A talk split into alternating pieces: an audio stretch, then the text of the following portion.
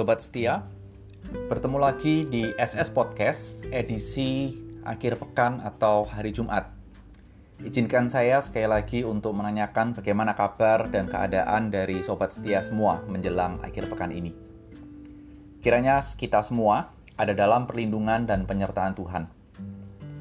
Dan dalam beberapa hari ini saya membaca sebuah informasi di koran-koran digital bahwa hari-hari ini adalah hari-hari fase puncak dari dampak liburan Natal tahun baru kemarin untuk COVID-19. Sehingga mari kita waspada dan kita juga berdoa untuk orang-orang yang kita tahu saat ini sedang sakit dan juga mungkin ada yang isolasi. Kiranya Tuhan boleh memberikan kekuatan, menolong, menghiburkan, dan menyembuhkan. Dan saya mengajak kita untuk mendoakan seorang mahasiswa Jaka yang kemarin ayahnya meninggal, kiranya Tuhan boleh menguatkan dan menghibur keluarga yang ditinggalkan, dan biarlah perlindungan dan penyertaan Tuhan juga menguatkan imannya melewati waktu yang sangat sulit ini. Hari ini saya mengajak kita untuk merenungkan sebuah tema, sambut dan hidupi ajakan Tuhan. Terambil dari Lukas 14 ayat 15 sampai dengan 24.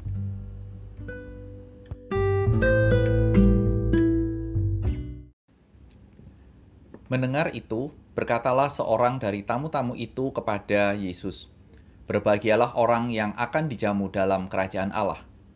Tetapi Yesus berkata kepadanya, "Ada seorang mengadakan perjamuan besar, dan ia mengundang banyak orang. Menjelang perjamuan itu dimulai, ia menyuruh hambanya mengatakan kepada para undangan, 'Marilah, sebab segala sesuatu sudah siap.'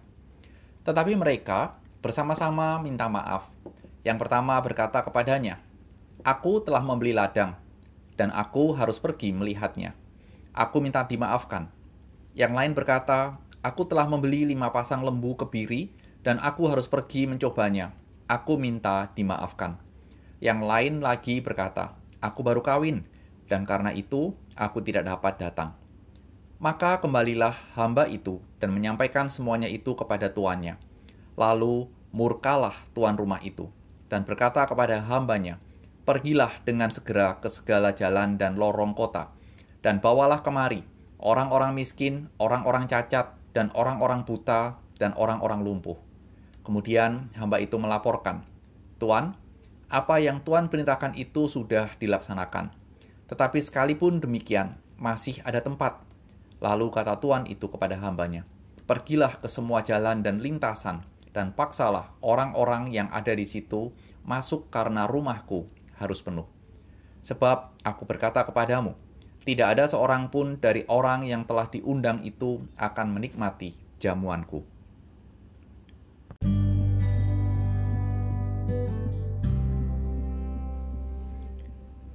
Mari terlebih dahulu kita berdoa.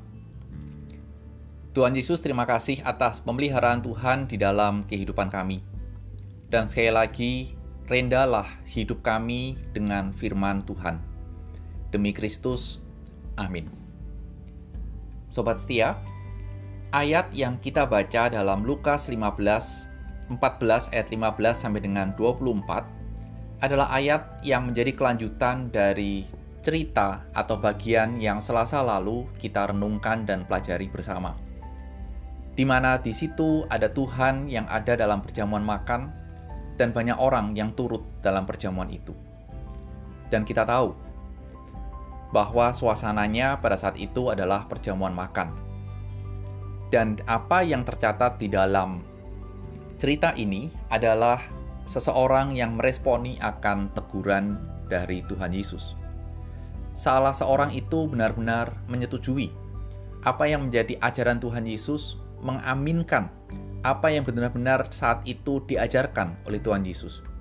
Bahwa yang terpenting dalam kehidupan manusia itu adalah bahagia dalam kerajaan Allah. Wow, kalau kita lihat ini suatu konsep yang diaminkan yang sangat bagus. Kenapa demikian? Karena saya yakin bahwa kita semua pernah mendengar sebuah kalimat yang sering kali tanda kutip secara bercanda atau guyon dipergunakan menjadi sebuah moto dalam diskusi atau perbincangan kawula muda. Kalimat itu apa?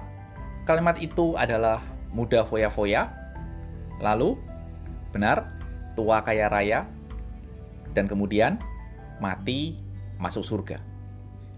Inilah suatu konsep yang secara sadar atau tidak sadar sering kali secara tidak sengaja menjadi sebuah dorongan, motivasi kehidupan umat manusia. Kita tahu, moto itu mungkin boleh dikatakan tidak mungkin terlaksana. Tetapi banyak orang yang menginginkan hal itu terjadi. Dan ketika salah seorang tamu mengatakan, yang paling penting adalah kebahagiaan dalam kerajaan Allah, itu menjadi sebuah pengaminan, persetujuan yang langsung menohok konsep yang ada dalam dunia ini. Muda foya-foya, tua kaya raya, mati masuk surga.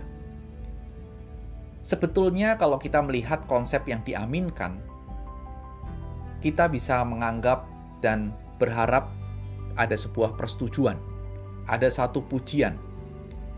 Namun Tuhan berespon atau meresponi salah seorang tamu yang berkata dengan demikian itu bukan dengan sebuah pujian atau penghargaan.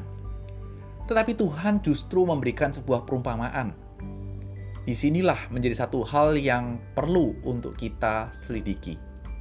Lah kok justru responnya dengan menceritakan perumpamaan? Ada apa? Apa yang ingin disampaikan oleh Tuhan melalui perumpamaan itu?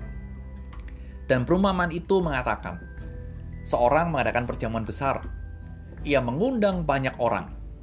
Dan setelah persiapan untuk perjamuan itu sudah selesai, maka tamu-tamu itu diajak untuk hadir. Dalam bayangan saya adalah, ayo, ini perjamuan akan dimulai.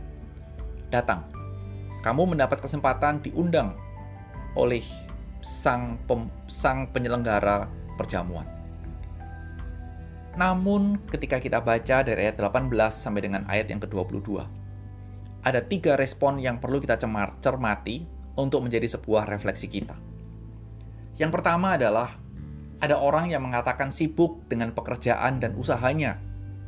Ini benar-benar menggambarkan sejak zaman dulu sampai zaman sekarang, kesibukan dalam dunia kerja dan usaha betul-betul menyita waktu, menyita tenaga, dan fokus dari hidup manusia. Kerja, usaha. Respon yang kedua adalah sibuk dengan kenikmatan relasi duniawi. Ini juga tidak lepas sejak zaman dulu, sejak zaman dulu sampai dengan sekarang, orang betul-betul berusaha untuk menikmati bagaimana kenikmatan duniawi itu boleh benar-benar dirasakan. Dan permisi tanya, siapa di antara kita yang tidak pernah tergoda untuk menikmati apa yang dunia tawarkan. Dan respon yang ketiga adalah tak sedikit juga orang yang sibuk dengan kesusahan hidupnya. Kita sering kali terjebak di dalam kesusahan hidup kita dan kita berusaha keluar dan berusaha menyelesaikan sampai akhirnya kita pun melupakan ajakan dari Tuhan. Sobat setia yang dikasih Tuhan, dalam cerita ini kita bisa melihat bahwa undangan itu tidak dijual. Tidak ada tiket box. Undangan itu gratis. Dan tidak ada syarat bahwa orang yang boleh datang A, B, C, D. No. Namun semua itu diabaikan.